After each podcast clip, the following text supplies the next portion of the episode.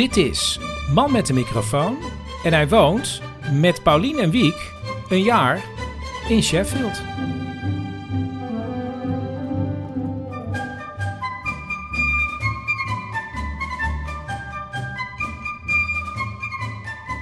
Hallo luisteraars. We zitten hier op de bank, gevoelstemperatuur min 1000 graden. De verwarming is kapot. Ja, en eh, onze meneer van de landlord, die namens de landlord voor ons alles doet, die kan eventueel bellen dat de plumber, Plummer. plumber langskomt. Het is 14 graden trouwens, maar het voelt inderdaad als min 2. Ik hoop dat Billy weer komt. Billy is een loodgieter die hier al eerder is geweest. Die heet eigenlijk Shawkat.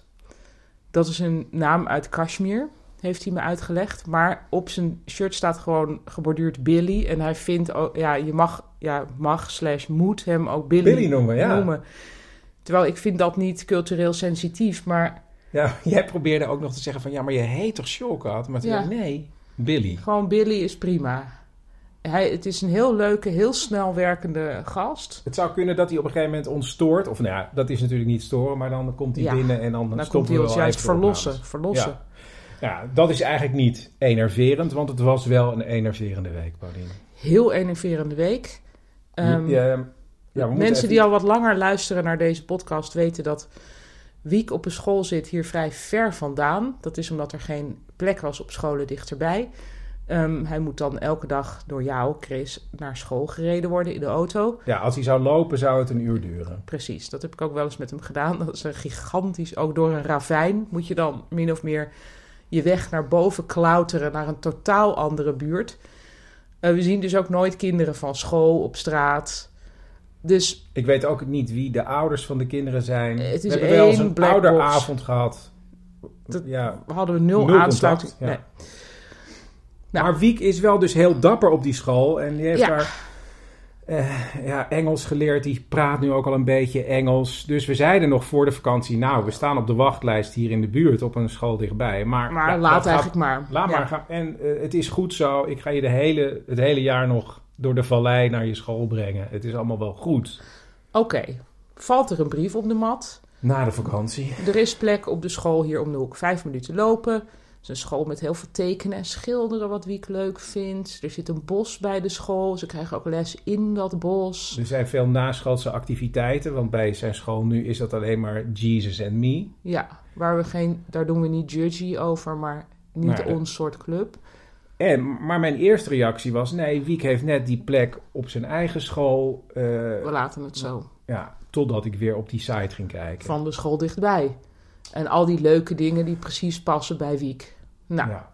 Nou ja, dus... flash forward. Wij een paar slapeloze nachten. Nou, echt, ja, echt Nou, slapeloze echt, nachten. ja. Want ja, Hij heeft al behoorlijk veel verandering op zijn bordje gekregen. Toen toch besloten van... Het zou goed zijn.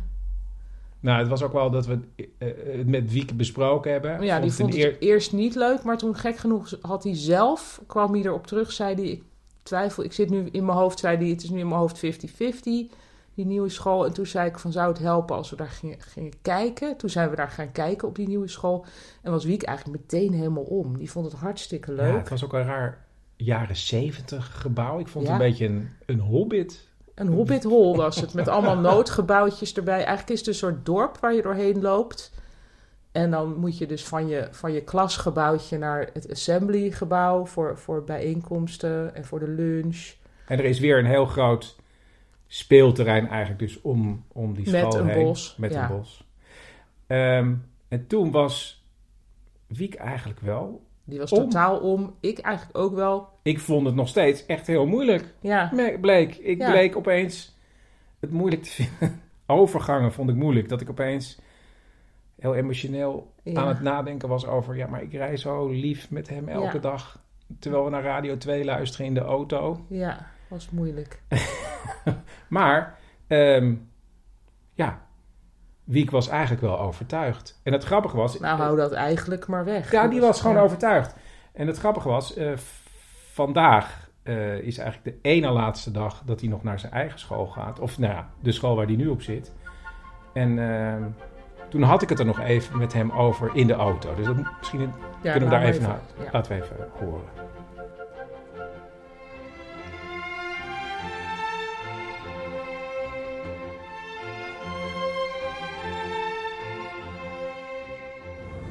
Nou, we zijn net aan het praten over ja, mijn nieuwe school. Dit is de ene laatste dag. Rijden we nu nog even de lange route. Ehm, lekker door de natuur. Naar, ja, Shooters Grove. Ehm, we zaten net te praten en ik zei, ja, die klas. Ja, ik vond het heel erg wen. Ik vond ze heel erg welko- welkom. Dus soms dan ben ik een beetje zenuwachtig en dan denk ik weer aan die klas. De nieuwe klas. Ja, de nieuwe klas. Wat was er dan, wat, wat was er dan dat je Ja. je welkom voelde? Geen idee. Nou, er werd meteen aan me laten zien ook van dit leren we. Kijk, deze schildpad hebben we gezien in, ehm, hoe heet het ook alweer? Tropical World? Ja, Tropical World.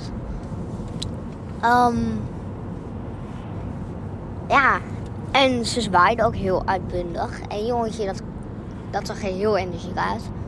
Die zwaaide heel veel. Met twee handen. Dubbele zwaai dus eigenlijk.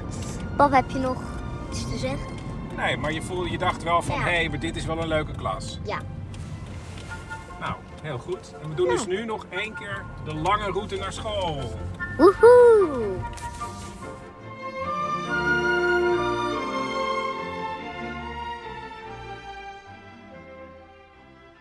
Ja, even misschien nog even zeggen. Dus eh Wiek had het over Tropical World. Dat was namelijk het schoolreisje.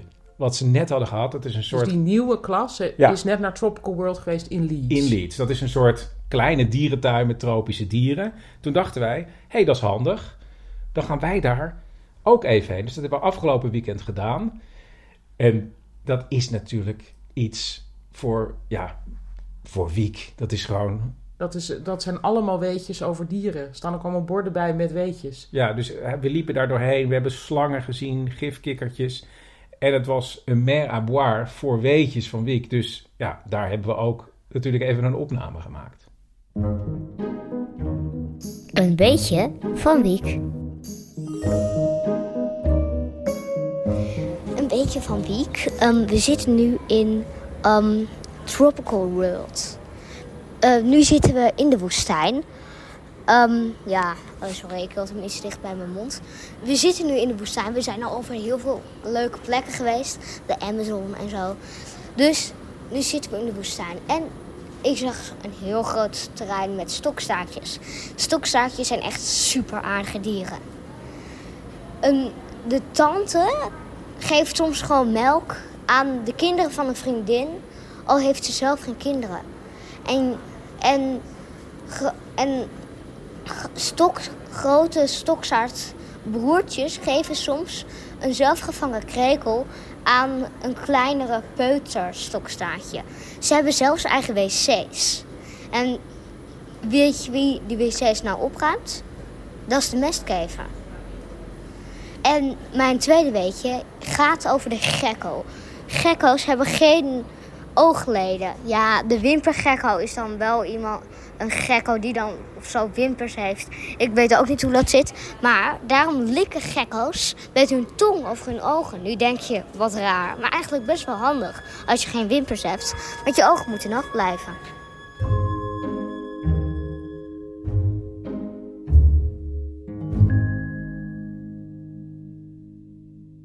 Dus nu krijgen we de overstap naar de nieuwe school. Gelukkig eh, hebben we inmiddels begrepen dat in Engeland alles begeleid dient te worden door een kaart. Dus je kan niet zomaar van het, de ene situatie in de andere glijden. Je moet een kaart geven. Ik denk in Nederland, als je van school zou wisselen, zou je denk ik een cadeautje kopen voor de juf. En dat dan persoonlijk geven. En dan zeggen, hé hey, nou, ja, was echt super, nou, super bedankt. Gaan jullie missen? Oké, doei. Maar dat kan dus in Engeland niet, want er moet een kaart bij. En dan moet je ook echt benoemen van ik ben dankbaar. Ook echt gewoon grateful, weet je. En, Ja, maar dat viel me sowieso op, als ik nog even iets wil zeggen. ja. Want dat had jij heel erg bij die rondleiding op die nieuwe school. Dat ik Mhm. dacht van, hé, wat is hier aan de hand, Paulien? Want je zei voortdurend, weet je dat nog? That's very kind. That's very, it's zo, Ja. zo Ja. ontzettend aardig dat we even een rondleiding mogen krijgen. Oh, Ja. we zijn zo Ja, dankbaar. maar je maar, moet het gewoon alles benoemen. dat is heel Engels, dat had ik pas later Ja. door. Nou, ik kwam daar eigenlijk in de eerste week hier al achter. Toen ik met Jet op de universiteit rondliep. Toen moesten er wat administratieve dingetjes geregeld worden in verband met mijn aanstelling. En toen liep ik met Jet dus langs mensen die dingen moesten doen. Waarvan je ook kan denken, oké, dat is hun baan, dus kun jij dat doen, dank je wel. Maar Jet, die hier natuurlijk al vele decennia woont, doet dat heel Engels. Dus die zegt tegen zo iemand, oh, als het niet te veel moeite is, zou je dat dan kunnen regelen? En dan vervolgens zeggen, you're a superstar. Dus Ja. je bent een superster dat je dit wat je werk is ook kunt doen. Ja, maar dat is, dus ook iets cultureels. Iets Engels, dat bedoel ik. Van, Ja, nee, maar Want- dus zij ja. deed het op Engels. Maar toen Ja. dacht ik, oh, de superstar, onthoud dit woord. En dus altijd zeggen, je kan niet alleen maar zeggen, wow, thanks. Maar ook benoemen wat het is. That's very kind of you. Dus dat probeer ik nu heel Nou, veel en dat heb je bij die rondleiding gezegd. En dat moeten we dus nu ook weer even doen met de kaarten die we gaan geven aan de juf en de meester van zijn school waar die nu nog op zit. Precies, dat gaan we helemaal uitschrijven. Al onze gevoelens. Want dat is heel belangrijk. Ja. Nou, tot zover. Ja, en dan ja, merk je vanzelf alweer. Ik heb ook trouwens met de oppas, hè. Wij hebben een Oh ja. oppas die af en toe hier komt oppassen. Die is 16. Moet je je voorstellen. Ik vraag haar van, kun je dan en dan komen oppassen? Zij kan dan niet. Nou, in Nederland zou je dan zeggen, nee, helaas gaat niet lukken of zoiets. Of misschien nog nou, nee, in want Nederland hadden we bij de oppassen dat we pas na drie dagen iets überhaupt van- iets hoorden. Maar goed, dit meisje, eh, die schrijft dan...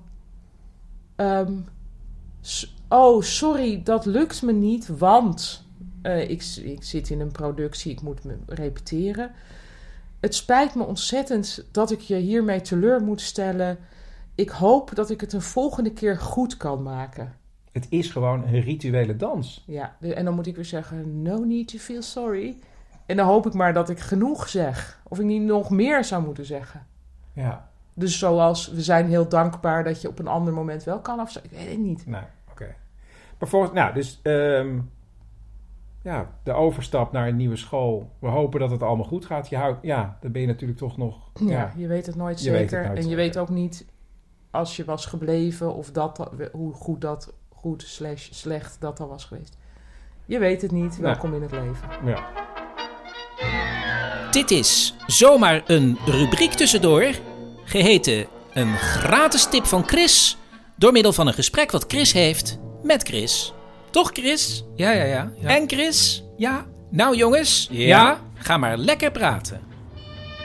Ja, ehm, nou ja, dit is... Ja, laten we maar gewoon... Het is niet heel spontaan, maar eh, Chris, waar zitten we nu? Eh, we zitten in de auto. Precies, in onze auto.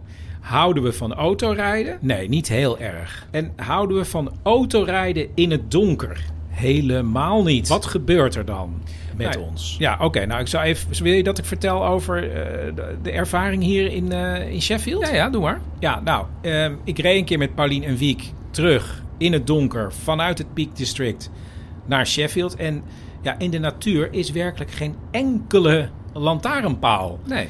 En ik zat echt te kijken. Ik dacht, ik zei ook, nee, je zei, ik zie niks. Precies.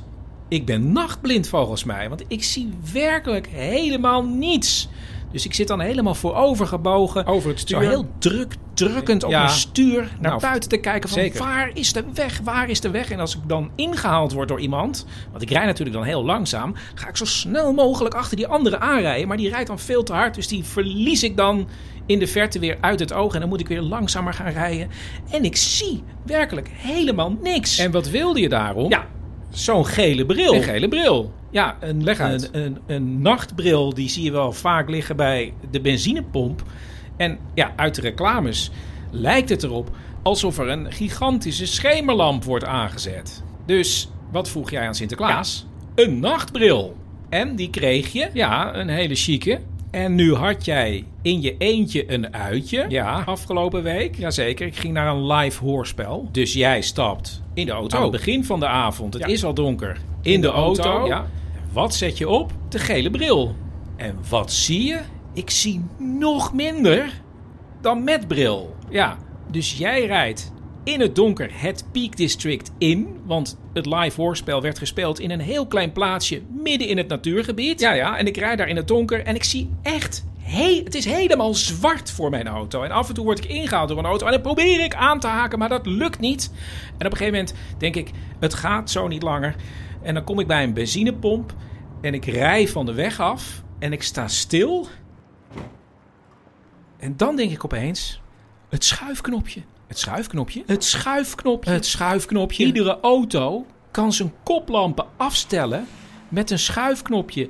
En dan kan je de koplampen op de straat richten of naar voren. En die van mij stonden op de straat. En die richtte je toen naar voren. En wat zag je toen? Ik zag toen alles. Je zag toen weer alles. Dus de gratis tip van Chris is: denk niet meteen ik ben nachtblind en zet een gele bril op, maar draai eerst aan het stelknopje van de koplamp.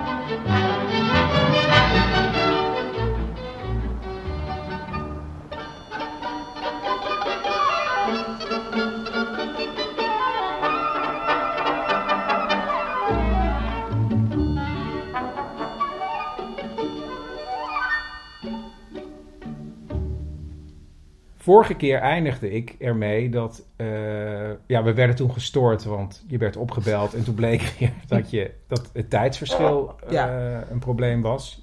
Dat je dacht, over een uur heb ik een afspraak, maar nou, Ja. dat was op dat moment. Ja. Toen zei ik dat ik je eigenlijk nog wilde vragen, hoe was het pottenbakken? Want je zit op een cursus pottenbakken. Ja. Vertel. Allereerst is het geen pottenbakken, zei je. Nou, ja, dat is dus moeilijk, want het is het, we gaan uiteindelijk die potten wel bakken, maar het is eigenlijk dus op zo'n draaischijf zo'n homp klei doen en die dan tot een pot vormen.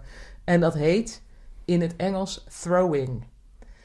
Dus ik zit op een cursus throwing, eigenlijk. Niet pottenbakken. Nou ja, pottery. Het gaat dus meer om het- throwing. Het gaat meer om het kleien dan om het bakken.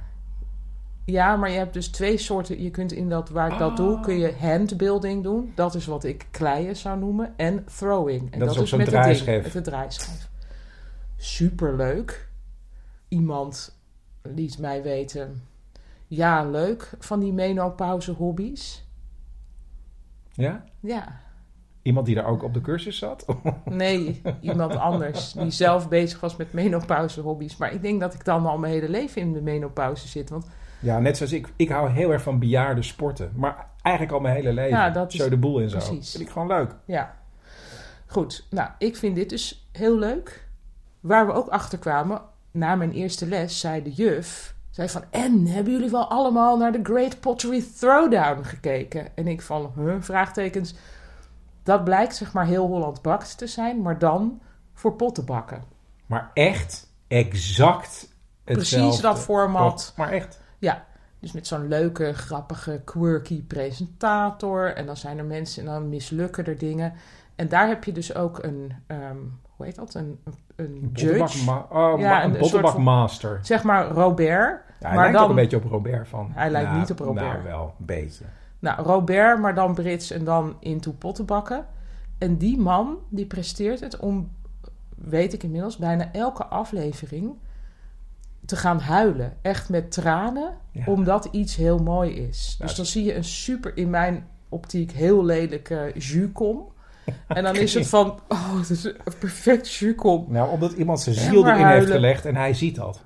Ja, Het ik vind het heel incontinent, maar de mensen zijn er heel blij over. Dus tweede les pottenbakken heb ik inmiddels gehad. Dus ik zeg tegen de juf van ja, ik ben inderdaad gaan kijken naar de Great Pottery Throwdown. En wat me wel opviel vanuit mijn optiek nogal eh, opmerkelijk, ehm, dat die meneer dus de hele tijd gaat huilen. En zij echt van, oh ja, ja, Keith heet hij geloof ik. Ja, dat is echt Keith, zijn handelsmerk. Ja, eigenlijk, hij moet huilen, want anders, weet je, als hij niet gaat huilen... Ja, maar ook als je, als je iets hebt gemaakt en hij gaat niet huilen, heb je het toch niet helemaal goed gedaan. Ah, Huilen om klei. Ja. Waar ik, wat we hebben ook met z'n drieën één keer een heel klein cursusje gedaan van een paar uur. ehm, in diezelfde ruimte hebben we dus ook al een keer gekleid, zeg ik nu maar even. En ik moest me toen heel erg eh, onderdrukken van Chris. Ga niet beginnen over die scène uit Ghost, die Ja. film. Hè? ja, ja, Niet, gaan, doen, niet doen. gaan benoemen, ook niet een grapje over maken. Gewoon helemaal niet over hebben. Want Ja. da- dat is waarschijnlijk not done. En dat klopt, toch? Nou, daar, ik kwam er nu dus achter dat daar hangt een plaquette aan de muur. Moet ik dat even voorlezen, die precieze Ja, en dan zeg ik om. Ja, dan ga ik ondertussen. Mag Even, even dan in de... ga je even opzoeken. En dan vertel ik ondertussen even Ghost is die film met Patrick Swayze. Die is dan eh, ook een pottenbakker met zijn draaischijf. Nee, Niet. Demi Moore is een Oh pottenbakker. ja, nou, Demi Moore is een pottenbakker. Het is in ieder geval zo. Hij komt als een geest achter haar zitten. Ja, nou wat er nu volgt, ik onderbreek het maar weer even, is een minutenlange discussie over hoe die film helemaal in elkaar zit. Maar het enige wat je moet weten is dat er een soort sensuele scène is van twee mensen die iets op een draaischijf aan het kleien zijn, wat de vorm van een vallus heeft. Nou, dit is dan na symbool minuten in gaan we weer even terug in, in ons gesprek. En dan later gaat Demi dat ook doen met zijn geest. Maar dus eigenlijk met het lichaam van Whoopi Goldberg. Dus ook best wel vooruitstrevend. Dat is natuurlijk eigenlijk een lesbische scène. Oké. Ehm, in het lokaal van mijn pottenbakcursus hangt, hangen wat screenshots van een serie die heet Community. Leuke serie. En daar staat eh, blijkbaar van een scène van een pottenbakcursus. en daar zegt die leraar van, de, van die cursus, zegt... Now, there's one and only one rule in this class. I will tolerate no I will reenacting. tolerate no reenacting, whether it's ironic or sincere, of the Patrick Swayze Demi Moore pottery scene in Ghost. Ever since that movie was released in 1990, I have seen every conceivable variation of what I call ghosting. This could be guy on girl, girl on guy, the hilarious guy on guy. so, since it never stopped, I had to adopt a zero ghost tolerance policy. Ja, dus we hebben het goed gedaan door het helemaal niet te benoemen. Ook niet ironisch. En zelfs toen ik een foto ging nemen van dat dit aan de muur hing... heb ik niet benoemd tegen de juf van... oh ja, dit zal wel vaak gebeuren. Heel goed. Nou, tot zo. Ja, misschien kan je op een gegeven moment, want de cursus duurt nog, dus op een gegeven moment ga je wel vertellen wat je allemaal gemaakt hebt. Ehm, we hebben weer gewandeld afgelopen weekend Ja. door het prachtige Peak District. En ehm, vlak voor het einde van onze wandeling wisten we, daar is een pub, een inn. En dan hadden we te- tegen Wiek gezegd, dan gaan we daar even wat drinken. Ja. Inderdaad, we lopen de pub in. Wiek gaat alvast aan een tafeltje zitten. Wij staan in de rij voor de, voor de bar. En op een gegeven moment zegt die vrouw achter de bar tegen mij... "Uh-uh, eh, is dat kind van u aan dat tafeltje? Ehm, toen zeg ik ja. Toen zegt ze nee, nee, nee. Die mag hier helemaal niet zijn. Nee. Ehm, jullie mogen niet hier in de pub zitten. Eh, je kan wel hier achter gaan zitten. Dus in een ander gebouwtje achter de pub. En ik zei, oké, oké. Ehm, en toen liepen we naar achteren. En toen dacht ik, hé, maar hoezo mag je niet in de pub zitten? En toen zei jij, ja, dat kwam je wel bekend voor. Ja, want toen ik tien was, ongeveer, heb ik met mijn ouders een wandeltocht gemaakt door Engeland. De South Downs Way. South Down? South Downs Way was het volgens mij. Nou, was heel leuk. Kreeg ik natuurlijk ook wel de smaak voor Engeland te pakken. En toen op een gegeven moment was het heel erg aan het regenen natuurlijk. Ehm, en toen kwamen we uitgeput en nat bij een pub. En toen was het van, ja, hier mogen geen kinderen in. En mijn ouders ook van, hé, wat, hoezo? Ja, nee, sorry, dat zijn de regels. En toen hebben mijn ouders echt gezegd, ja, maar kijk, er is hier verder niets in de verre omtrek. We zijn koud en doorweekt. En we hebben honger, wat nu? En toen heeft die pub-eigenaar over zijn hart gestreken. En die heeft ons toen in een kamer boven eigenlijk illegaal laten zitten. Dus boven de pub was een soort kamer. En toen weet ik nog heel goed dat wij daar zo'n grote ehm, aardappel uit de oven kregen. Die dan zo opengesneden is en er zit dan zure room en bieslook in. En dat heb ik daar toen gegeten en dat was heel fijn. Maar ik wist dus wel, pubs mogen niet altijd kinderen in en volgens mij vroeger ook geen vrouwen. Oké. En toen dacht ik, dit is iets om, om uit te zoeken. En daarom hebben we weer even een, een rubriek. En eh, daar heb ik de volgende jingle bij. 1, 2, 3, 4, go! Achtergrondinfo's met Chris. Stop! Het grappige is, toen ik ging uitzoeken wat eh, de relatie van eh Engelsen en alcohol is, ehm, toen las ik eh, als, als allereerste bijna iemand die schreef, ja, eh, de Engelsen hebben een soort tragicomische relatie met alcohol. eh, het, het, het, tragische zag ik wel. Het komische eigenlijk niet heel erg als je leest wat de relatie precies is van de Engelsen. Want ze hebben natuurlijk iets met alcohol. Want als je leest, eh, al bij de Angelsaksen schreven mensen van het eh, vasteland in Europa. Die Angelsaksen die stonden al bekend dat ze oceaanachtige hoeveelheden alcohol tot zich namen. En wat blijkt nou? Maar dat werd verteld door? Door mensen van het continent. Dus de Franken of Ja, de precies. of weet ik veel. Maar het was zo dat het lokale bestuur, dat draaide in die tijd eigenlijk voornamelijk om drinksessies. Dus eigenlijk elke parochie had een gildehuis, wat ook wel een drinkhuis werd genoemd.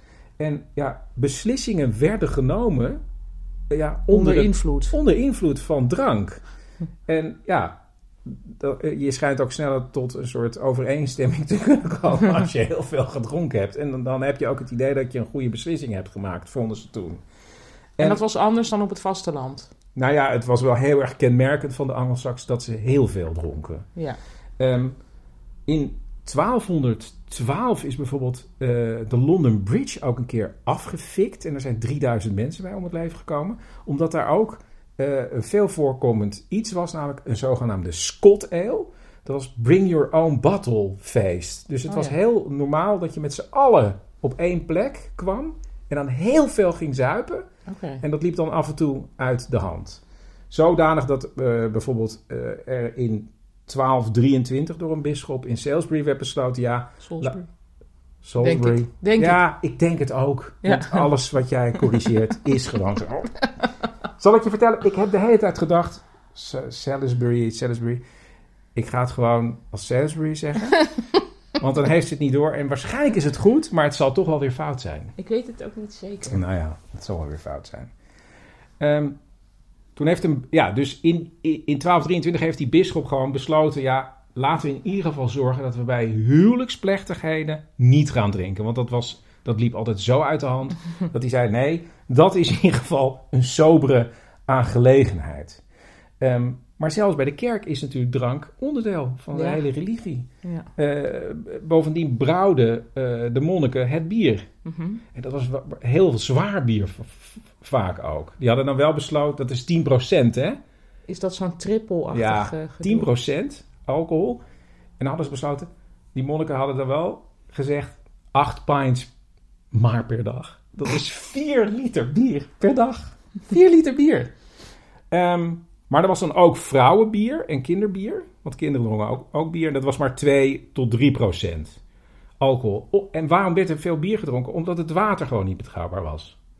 Dus daar zaten heel veel ziektes in. Dus het was eigenlijk ook beter Hm. om, eh, en gezonder om bier eh, te drinken. En dat eh, werd tot ver in de 19e eeuw. Bij elke maaltijd werd er gewoon bier gedronken. Ik las toevallig onlangs dat tot nog ver in de 20e eeuw kinderen in Frankrijk op school bij de lunch gewoon een glaasje wijn kregen. Ja. Heb ik ook gelezen. Oh, Daar wilde ik eigenlijk mee eindigen, maar dat Oh, kan ook nu. Nee, omdat ik dacht van ja, alleen maar de Engels, alleen maar de Engels. De Fransen hebben tot in de jaren 50 dronken kinderen op de lagere school bij de lunch cider of wijn. ja. En toen kwam er dus een lobby om daar melk van te maken. Nou, dat was heel moeilijk om die er doorheen te drukken, maar het is er wel gelukt. Hm. Ehm, maar er zijn natuurlijk dingen gaan schuiven met die, met die, eh, met die alcohol. Ehm, voornamelijk ook omdat, kijk, landarbeiders... die konden wel behoorlijk door blijven drinken... terwijl ze op het land aan het werken waren. Maar toen die industrialisatie eh, kwam... bleek dat dat voor die eh, werkomstandigheden wat minder geschikt was. Dus ja, er moest iets gebeuren.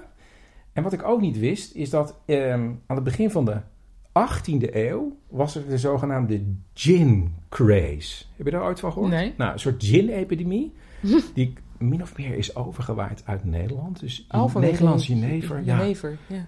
die, is- maar er werd zoveel gin eh, gedronken dat het echt een heel groot probleem werd ja. met die sterke drank. Dus de hele maatschappij raakte redelijk ontwricht. En toen heeft de overheid besloten ehm, om bier meer te promoten omdat minder alcohol was. Oh, Dus ja. bier werd voornamelijk gebrouwen door lokale overheden. Maar toen heeft de eh, overheid, de grote landelijke overheid, gezegd: nee, je mag gewoon een vergunning krijgen en dan mag je bier eh, gaan brouwen. Dat was een soort vepen. ja, het ene voor het andere Ja. inruilen. Dus ehm, in 1830 heb je de zogenaamde Beer House Act. Dan kon je dus een vergunning krijgen. En in 10 jaar zijn er 45.000 commerciële brouwerijen opgekomen. Die dus dat bier begonnen te brouwen. Minder erg dan eh, eh, ja, de gin.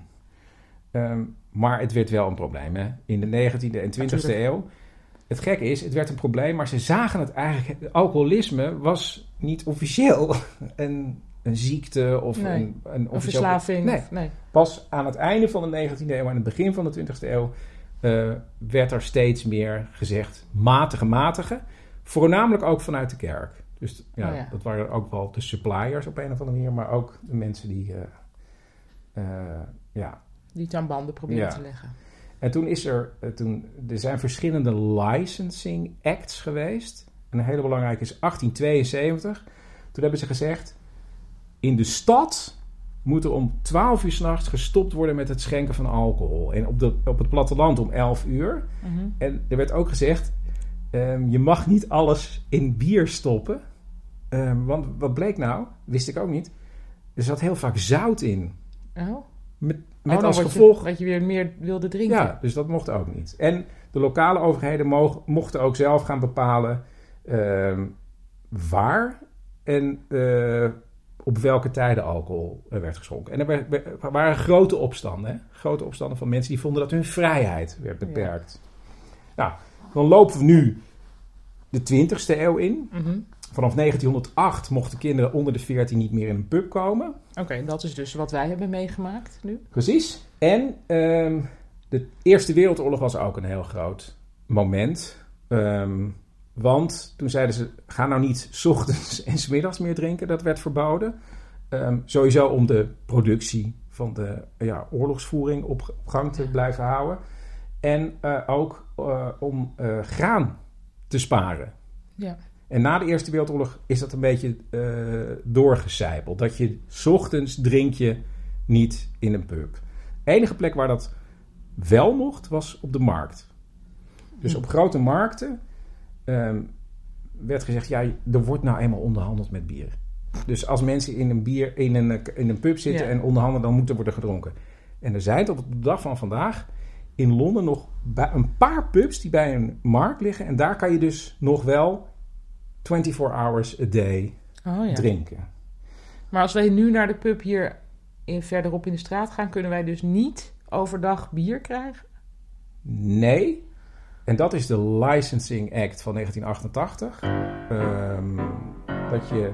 Nee, Ja, het wordt er eigenlijk. eh, kijk, hoe meer je leest soms, eh, dan wordt het er ook niet heel veel duidelijker op. Eh, wat ik wel weet, is eh, sinds 1988 mag er officieel alcohol geserveerd worden tussen 11 uur 's ochtends en 11 uur 's avonds. Maar volgens mij mag het per regio of per gemeente, ja, hebben ze weer hun eigen eh, kleine regeltjes.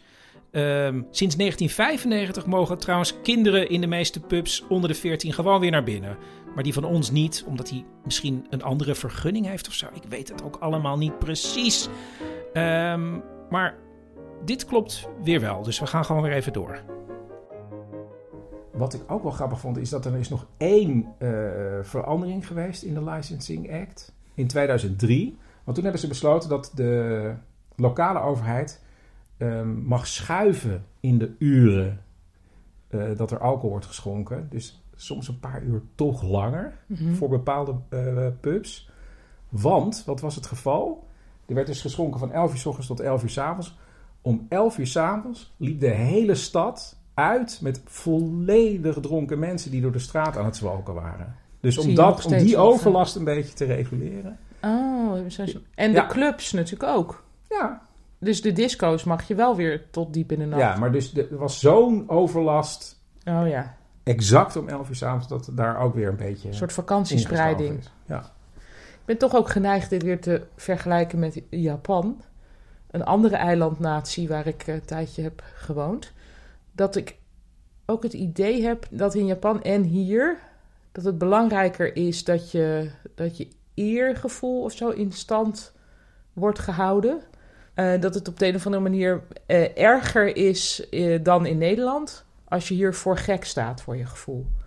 Ehm, dat is in Japan ook heel erg zo, hè, dat het erom gaat dat je, ja, dat je eergevoel intact blijft. En dat het daarom misschien belangrijker is om periodiek totaal jezelf lam te zuipen, want dan gelden al die sociale regels niet meer. Dat zie je in Japan heel duidelijk. Hè? Dus dan zie je allemaal formele, uh, ja, uh, dat dus, uh, kantoorklerken, die natuurlijk de hele dag keihard aan het werk zijn. En op vrijdag gaan ze gewoon naar een bepaald gebied, vlak in de buurt van hun kantoren.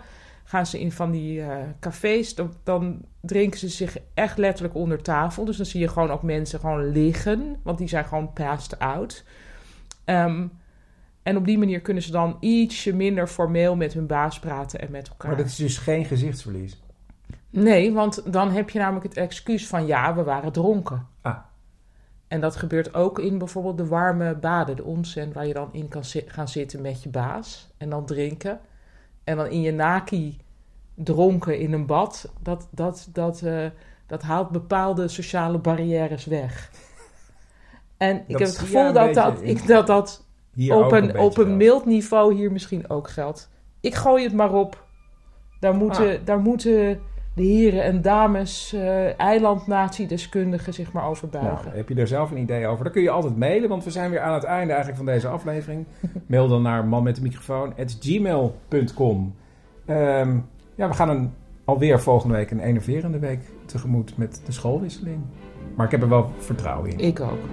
Tot volgende week.